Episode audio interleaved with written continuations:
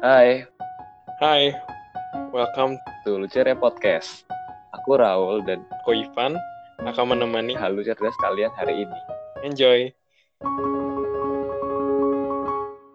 Halo, kembali lagi bersama kami. Aku Ivan. Dan aku Raul. Yes, kita akan lanjutin lagi pembahasan kita tentang Les Miserables musikalnya gitu. Yes. Ya, oke sebelumnya bagi pendengar yang mengikuti dari awal, mohon maaf atas keterlambatan kami. Ada sesuatu terjadi. Iya.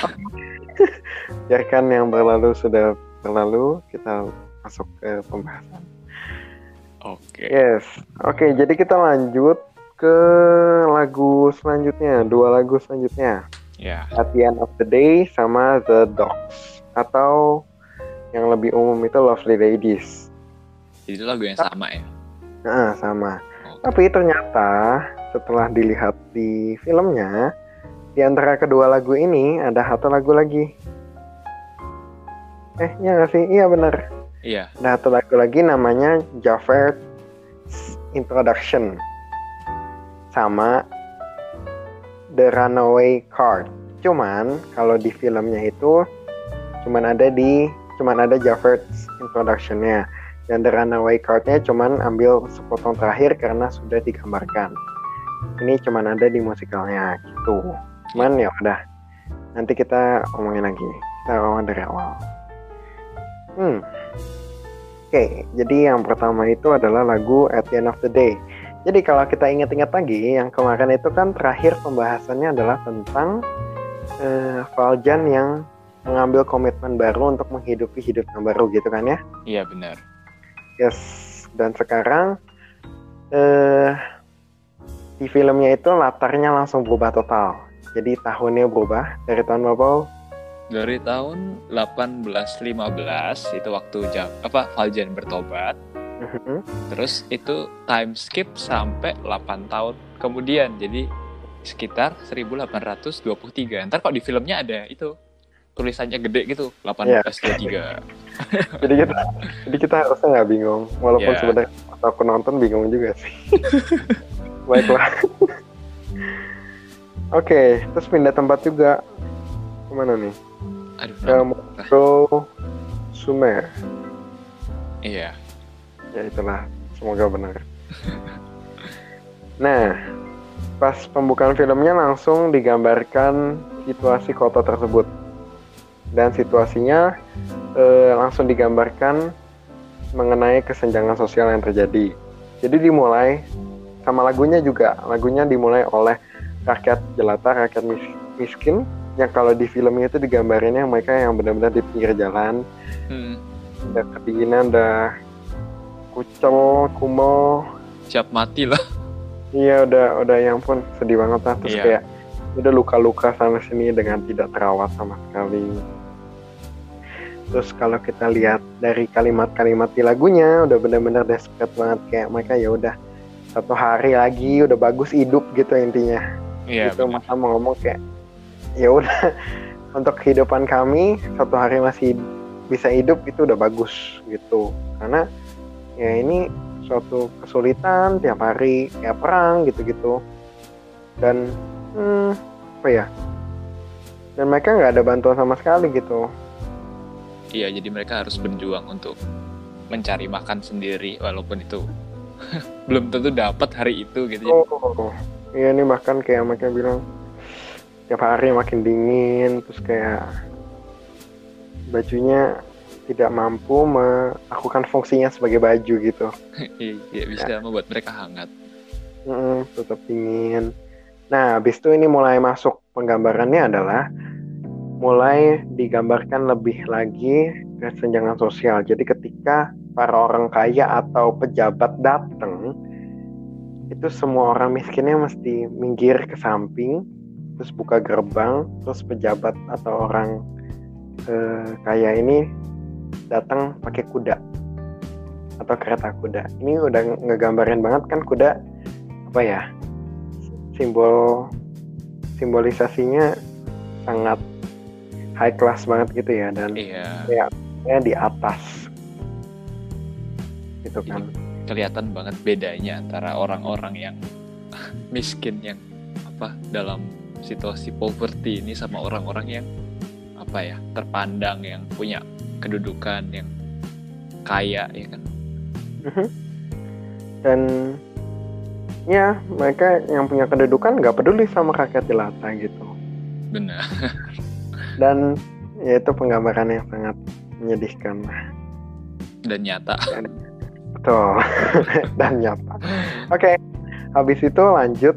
Ini ada pindah lagi. Jadi kita masuk kan tadi dari rakyat jelata kan kita anak ada naik dikit ke middle class. Tetap orang susah tapi mereka memiliki pekerjaan yang lebih layak gitu. Benar. Nah ini take place di ah, apa namanya? Pabrik Namanya- oh ya pabrik yang ternyata punya gubernurnya. Eh gubernur kan ya bener. Wali kota nggak sih? Oh wali kota Iya oke nggak sih mayor ya mayor pokoknya mayor. Oke, mayor. ternyata ini punya mayornya. Ya langsung kelihatan kayak jadi itu isinya eh, pekerjaannya ada perempuan semua dengan satu mandor. Mandornya Gitu kan. cowok. Hmm, mandornya cowok dan ya udah mandornya kayak ya udah. Lo nggak bakal dapet apa-apa. Mm-mm. Eh, ya udahlah maksudnya kayak ya udah kerja kerja ya rada sia-sia sebenarnya. Kayak dapatnya dikit banget gitu. Ya nggak bisa buat beli apa pun gitulah intinya. Tapi kayak ya udah mereka tetap kerja karena ya lumayan lah daripada si rakyat jelata yang tadi gitu loh. Kayak kita masih dapat eh kita masih punya pekerjaan lumayan. Hmm, habis itu di sini kelihatan banget si mandor ini tuh kayak ngegangguin pekerja-pekerja perempuan ini gitu. Anu ya apa? Eh, ganggu secara apa sih? Melecehkan mungkin? Ya nakal gitu lah. Iya Apa? Nakal ya, playboy ya jelas gitu lah. Ya kayak mau melecehkan gitu dan eh dia sangat sangat apa ya namanya? Sangat terfokus kepada satu perempuan Iya. Punya favorit sendiri dia. Dan itu udah ya udah berjalan eh, lama deh kayaknya. Soalnya ini udah jadi bahan omongan perempuan-perempuan ini. Berarti pekerja lainnya ngomongin ini juga ya? Oh. Dan ternyata oh ternyata eh ya inilah mereka akhirnya ngomong- ngomong-ngomong lagi intinya kerja banyak dapat sedikit gitu lah ya. Ya Hmm, habis itu terjadi suatu hal yang sangat menggemparkan seluruh isi pabrik.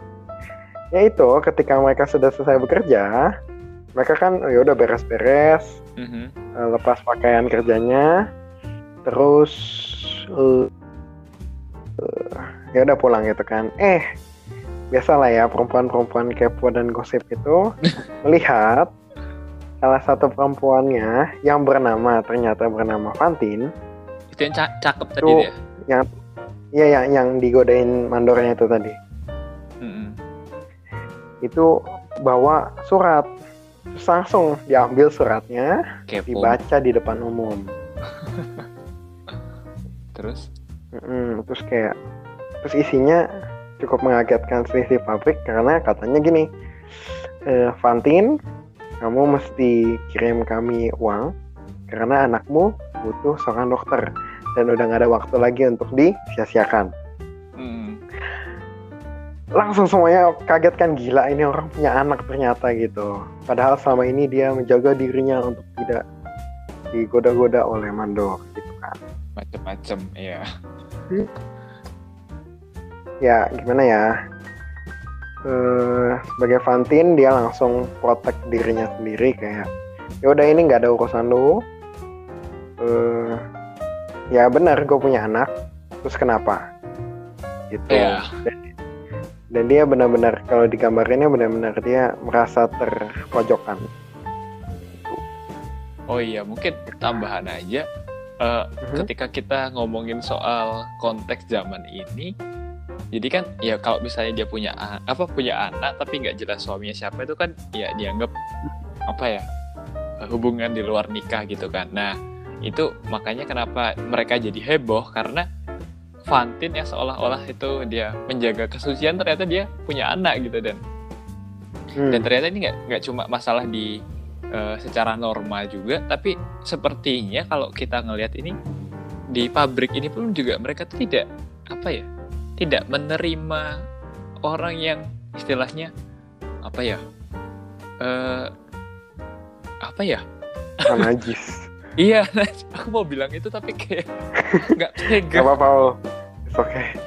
iya itu pokoknya yang dianggap najis sama orang-orang ini melanggar norma melanggar ya orang yang tidak bermoral lah gitu. Uh-huh. ya, ini makanya kenapa kok mungkin kalau pada bingung kenapa kok kayak punya anak doa kok jadi masalah. Nah itu konteksnya di zaman seperti itu nggak sebebas dan seterbuka sekarang gitu. Jadi walaupun uh-huh. mungkin bukan karena keinginan dia tetap aja apa dilihatnya cewek ini najis cewek ini apa kotor gitu. Oke Van lanjut Van. Oke lanjut ya. Terus lagi ribut-ribut gitu tiba-tiba pemiliknya datang. Mayornya kan? Yang pemilik pabriknya yang adalah wali kotanya datang. Terus langsung kayak ini kenapa? Kenapa ada ribut-ribut ini? Tolong dipisahkan dua orang ini. Gitu uh, apa namanya? Hmm, habis itu pemilik pabrik ini langsung kasih ke meja apa mandornya untuk dileraikan dengan baik-baik gitu ya. Dan ini penting banget ini nih, nih, dia ada ngomong sebenarnya ke mandornya. Tolong pokoknya uh, aku kasih kepercayaan ini kepada kamu. Kamu tolong leraikan se uh, sabar mungkin. Jadi no violence gitu. Jangan pakai kekerasan tolong dileraikan sebaik mungkin Terus mandornya ya gitulah. Karena sebenarnya kita tahu ya sebelumnya kan kita tahu ya mandornya suka main cewek gitu. Jadi what do you expect gitu. Kayak ya pada akhirnya uh, kantin disalahkan dan akhirnya pecat gitu. Langsung dilempar keluar terus dikasih gajinya ya udah kayak dilempar gitu. Uang dan cuma kayak koin gitu nggak sih? Kayak uang kecil gitu dilempar. Aduh uh-huh. parah banget. Ya udah diperlakukan tidak baik banget lah gitu. Ya dan kenapa kok sih apa mayor atau si pemilik pabrik ini nggak mau menangani sendiri? Nah itu akan lanjut ke segmen selanjutnya maksudnya karena dia ternyata ada urusan nah itu Van hmm? Iya kan dia ngeliat si itu gak sih lihat si Jeff Javed terus kayak dia aduh jadi apa dia harus temuin eh ya gak sih ntar dulu Oh iya betul betul betul. betul. Jadi kayak mohon maaf lupa. Tidak apa-apa. Ya jadi jadi kan apa? Ya tiba-tiba Jafar ada di kantornya. Kenapa Jafar tiba-tiba ada di kantornya? Karena Jafar juga baru dipindahin ke tempat dipindah kerjanya. Ya. Yeah. Dipindah tugas ke tempat ya ini yang muncul Sumea ini gitu. Yeah. Akhirnya pemilik pemilik pabrik ini ya gimana lah ada tamu gitu kan ya datang nah tapi tapi tapi tapi kenapa tapi kalau digambarkan di filmnya itu ya dia kayak apa namanya kayak sangat tertarik What? banget dengan sosok Jafar ini. Uh. kayak ada somethingnya gitu. Dan ternyata oh ternyata Meyer ini adalah Jean Valjean. Yes. Yang mana dia adalah orang yang dulu kabur dari tugas dia. Ah, apa sih? Tugas. Pembebasan bersyarat iya gak sih? Mm, yes. Jadi sebenarnya dia tuh buronan teman-teman. Dia tuh buronan tapi dia me, apa sih mengganti identitasnya terus dia bikin pabrik dan ternyata karena suatu kebetulan dia ketemu sama Javert yang mana dia adalah uh, apa sih polisi. Bukan polisi apa ya? Petugas. Ya petugas. Apa ya? Bukan. bukan polisi kan bukan nggak tahu lah. Inspektur ya itulah pokoknya ya, dia okay, inspektur.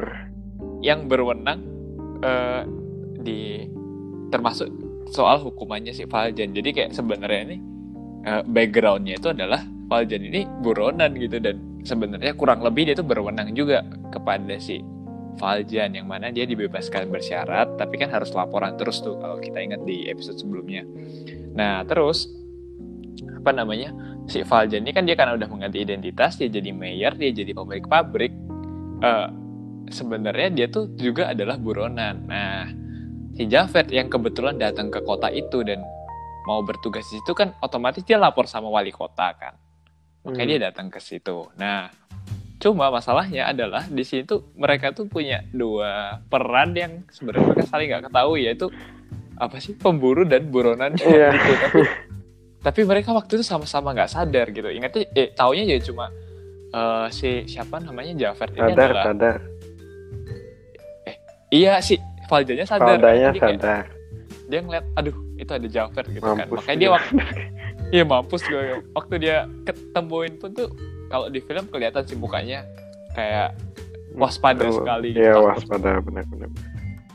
Nah si Jafet ini nggak sadar kalau itu adalah orang yang sebenarnya lagi dia cari juga karena uh -huh. dia menghilang dari apa tugas eh dari tugas dia untuk melapor terus karena kan dia dibebaskan bersyarat itu. Nah berarti sekarang kita pindah ke sisinya si Valjan. Jadi tadi si siapa itu Fantin tadi ya udah dia akhirnya dipecat dengan tidak hormat. Duh, kayak bahasanya apa aja. Nah, terus ini kembali ke Valjan. Nah, Valjan ini akhirnya bertemu dengan Javert uh, apa sih? Empat mata. Nah, dan di sini yang menarik adalah uh, ini apa namanya? ada satu lagu yang ini cuma ada di film judulnya Javert Introduction tadi mungkin Ivan udah sempat sebut nah jadi di, Javert ini memperkenalkan diri nih. Kalau dia adalah uh, apa namanya dia apa Javert. Terus kayak dia siap melakukan tugasnya. Terus kayak ya di bawah komandomu kan karena si Valjan sebagai mayor uh-huh. uh, dan seterusnya. Nah terus tiba-tiba si Jafar ini ngerasa kayak kok gue pernah lihat lo ya? Gitu. Kayak apa sih? Kok familiar ya? Gitu. Terus kayak Valjan kan takut nih jadi dia kayak uh, menghindar dia bilang mukamu tuh bukan muka yang bisa aku lupa dengan kata lain kalau aku pernah ketemu kamu harusnya aku juga inget dong gitu hmm. terus uh, apa namanya baru baru berhenti di situ apa namanya ada kalau di film ya ini kalau di film tiba-tiba di luar ada kecelakaan hmm. ada keributan gitu. Makanya Terus mereka berdua makanya mereka stop ngobrol. Iya mereka berdua juga cepet-cepet ngelihat gitu kan ya apa refleks. uh, refleks mau bantuin gitu. Nah, simpatis. nah, iya efek aduh iya iya ini simpatis fight or flight. Oke. Okay. Iya, jadi ternyata ada seseorang bernama ini di mentionnya kok di musikal Monsieur Fauchelevent, Fauchelevent, Fauchelevent. Ya, jadi itu adalah seseorang yang dia terjepit di sebuah gerobak gitu. Uh -huh. Nah, terus orang gerobaknya kan berat sekali. Jadi apa namanya orang-orang di situ cuma kayak panik tapi nggak bisa nolongin karena nggak kuat Nah akhirnya si Valjan kalau kita ingat di jadi waktu di intro di filmnya dia tuh bahkan kuat ngangkat kayak tiang gede banget. Jadi Valjan ini memang digambarkan sangat kuat. Bahkan di novelnya pun uh, Victor Hugo mendeskripsikan Valjan tuh sekuat dengan empat pria dewasa. Jadi kayak kuat banget. Nah Valjan ini maju terus dia apa namanya? Dia angkatlah uh, gerobak ini dan si bapak tadi bisa keluar. Nah, si Jafar apa namanya makin ngerasa ini apa kekuatan orang seperti ini tuh sangat apa jarang dan orang yang aku tahu sekuat dia itu cuma itu. Jadi kayak dia ngerasa kayak apa ya istilahnya kan dejavu ya mungkin. boleh lah dejavu mirip ya kayak aku kayak pernah lihat di apa. Hmm. Tadi pertama dia ngerasa mukanya familiar sekarang dia ngerasa orang yang sekuat ini hmm. tuh juga sangat familiar. Tapi kayak dia terus tiba-tiba ini. Nah kata-kata Javert ini ada di kalau di film termasuk di lagu Javert Introduction tapi kalau di musikalnya versi musikal dia masuk di lagu judulnya The Runaway jadi peristiwa kecelakaan terus Valjan nolongin itu semua sebenarnya dilagukan kalau di versi musikalnya yang mana dikasih judul The Runaway nah si Javert ini dia bilang apa kamu membuatku berpikir tentang seseorang seorang laki-laki yang uh, kabur dari tugas dia apa dari pembebasan bersyarat dia. Dia menghilang. Tapi dia belum lanjut dia bilang aduh apa maafkan saya kenapa? Karena si Jafar ini kan posisinya sebagai polisi yang baru. Aduh polisi. Uh, karena kita sebutnya polisi. Iya lebih gampang. Apa ya petugas keamanan. Ya pokoknya dia petugas yang baru sampai di situ dan posisinya Valjan waktu itu adalah seorang wali kota. Jadi jelas dia nggak mungkin berani untuk lancang nuduh dong gitu kan. Hmm. toh belum tentu benar. Jadi dia kayak apa forgive me sir. I will not dare. Apa aku minta maaf aku nggak akan berani buat nanya ini tuh tapi kayak Valjan malah say what you must don't leave it don't leave it there. Jadi kayak sebenarnya kayak udah ngomong aja nggak apa-apa gitu. Hmm. nah Javert ini sudah menaruh rasa curiga sama Valjan mm -hmm kalau dia ini adalah orang yang apa namanya kabur itu tadi. Nah, iya kalau apa namanya jangan jangan pikir kayak ya lah kayak kayak gitu aja kok kayaknya apa namanya kok nggak bisa di identifikasi dengan mudah. Ya soalnya beda banget kayak kalau dilihat di filmnya kayak si Valjan pas dia lagi ditahan sama udah jadi mayor tuh beda banget ya apa lebih rapi lah potongannya. Kayak waktu ditahan kan gundul gitu terus dekil. Beda banget. Dan 8 tahun ya mm-hmm. itu juga apa secara itu juga orang 8 tahun. Mm. jadi berubah. jadi make sense. Mereka bingung-bingung. Iya. Jadi ini tuh bukan kayak apa dibikin kayak nggak nggak kenal gitu tapi kayak eh, memang nggak nggak bisa mengenali gitu. Nah Terus kita kembali lagi ke tokoh si Fantin. Van. Jadi tadi kan dia udah dipecat karena ternyata dia punya anak dan para pekerja lain nggak terima dan si mandor yang harusnya tuh dia nyelesain permasalahan dia malah mecat gitu karena dia juga nggak suka. Mm -hmm. Ini agak aneh sebenarnya karena mandor ini sebenarnya naksir sama Fantin tapi karena tahu Fantin kayak gitu mungkin dia terus kayak jadi kesel kali ya marah gitu terus malah dia uh, mecat si Fantin. Nah singkat cerita karena Fantin dipecat, dia kayak di film tuh kayak dia sedih terus dia berjalan tanpa arah gitu.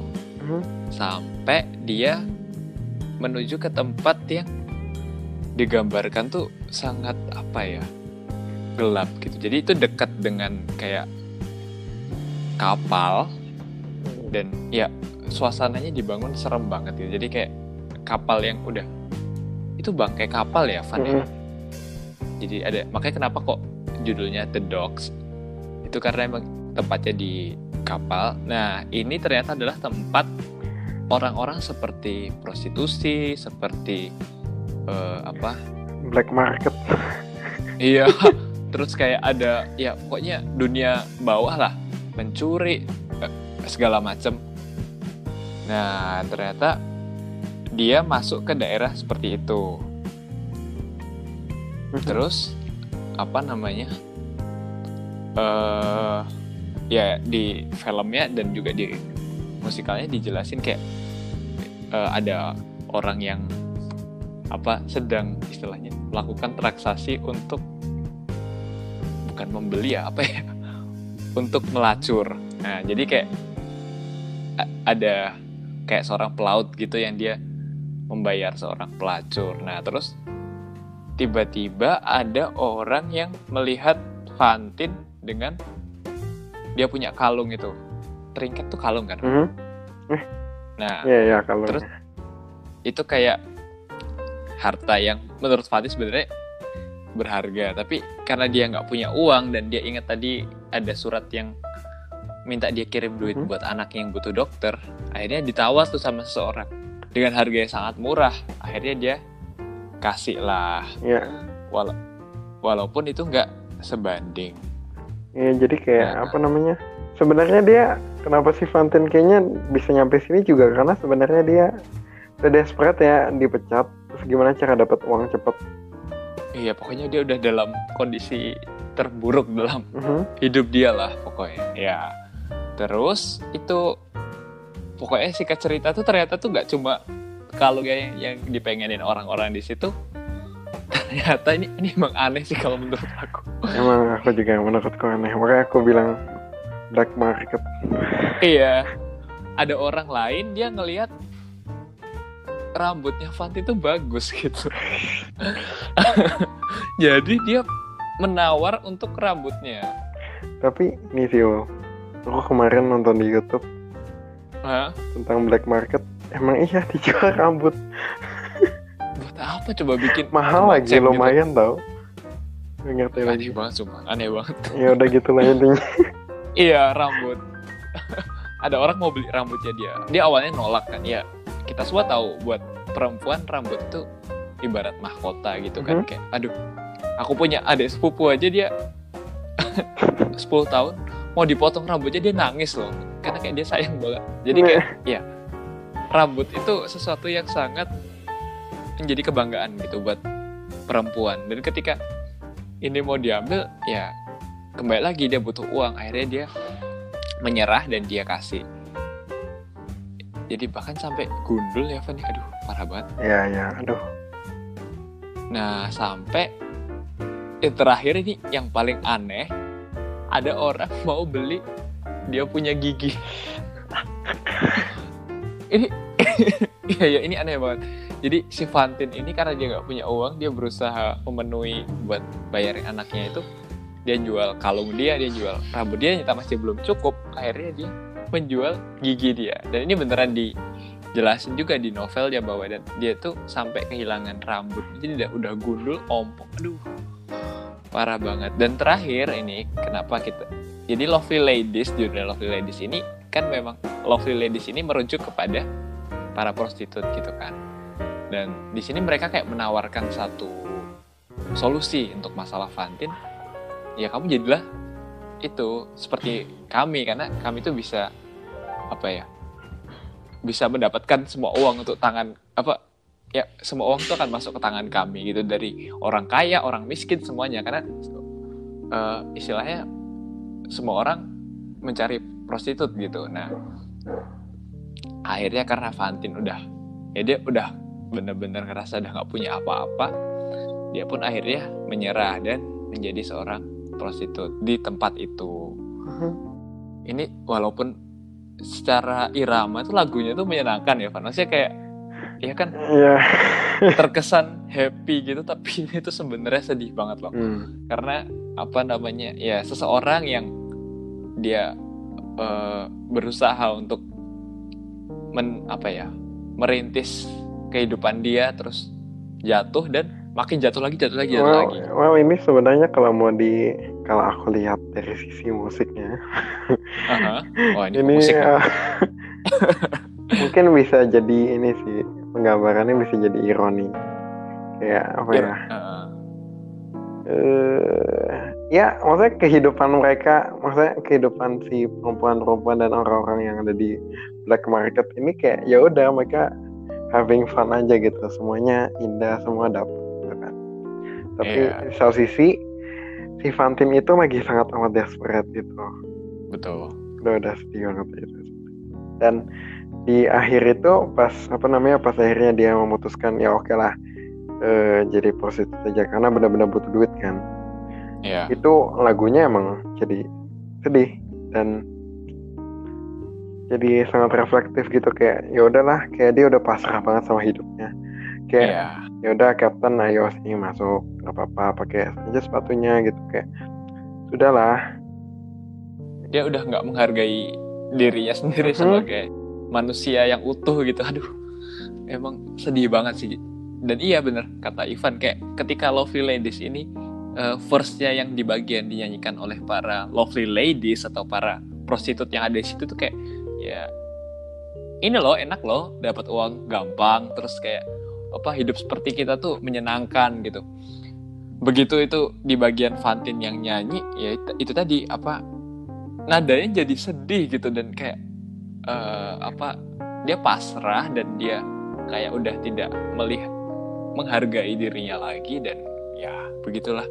Mhm. ini ini oh ya eh, ini nanti akan masuk di episode selanjutnya kita membahas tentang eh Fantin jadi nanti dia akan menceritakan tentang back- background dia tentang apa namanya permasalahan dia. Itu di satu lagu yang sangat indah. Itu untuk episode depan. Nah tapi Mhm. sek- sekedar info aja lagu itu oke kita sebut judulnya nggak apa-apa ya. Judulnya tuh I Dream a Dream. Itu kalau di film memang dia diposisikan setelah si Lovely Ladies ini jadi setelah lagu ini baru lagu yang eh, I Dream a Dream. Tapi kalau di musikal itu malah I Dream a Dream dulu baru Lovely Ladies dan dua-duanya itu juga bisa menggambarkan suasana yang sama menyedihkannya gitu walaupun kayak jadi kayak yang satu kayak dia eh, terkena masalah ber, Mhm. berurutan bertumpuk-tumpuk baru dia kayak merenung atau dia tuh merenung dan tetap pasti mendapat masalah. Dan sama aja di sini posisinya Fantin tuh sangat malang. Begitulah. Jadi yang bisa kita dengar dari ini apa episode kali ini?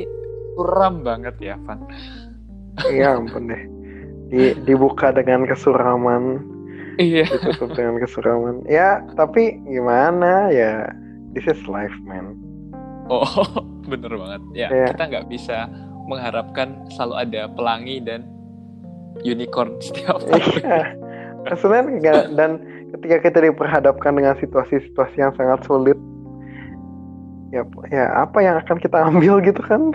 Iya iya kayak seperti Fantin ini ya ketika dia situasi seperti itu, ya dia memilih untuk mengikuti dengan apa yang ditawarkan solusi Mhm. yang seolah-olah itu sebenarnya menjawab tapi ya nyatanya tidak seperti itu dan ya episode ini memang kita berkenalan dengan tokoh Fantin dan Betul. tokoh dan kita melihat lagi tokoh Valjan yang menjadi tokoh utama setelah dia bertransformasi Hmm. selama 8 tahun itu begitulah Yes, itu kali ya Van udah kali ya. Tak kepanjangan kalau enggak. oke jadi cukup ngobrol kita di episode kali ini Semoga teman-teman tercerahkan dan terhibur dengan kehaluan cerdas kami. jangan lupa terus nantikan episode berikutnya See you.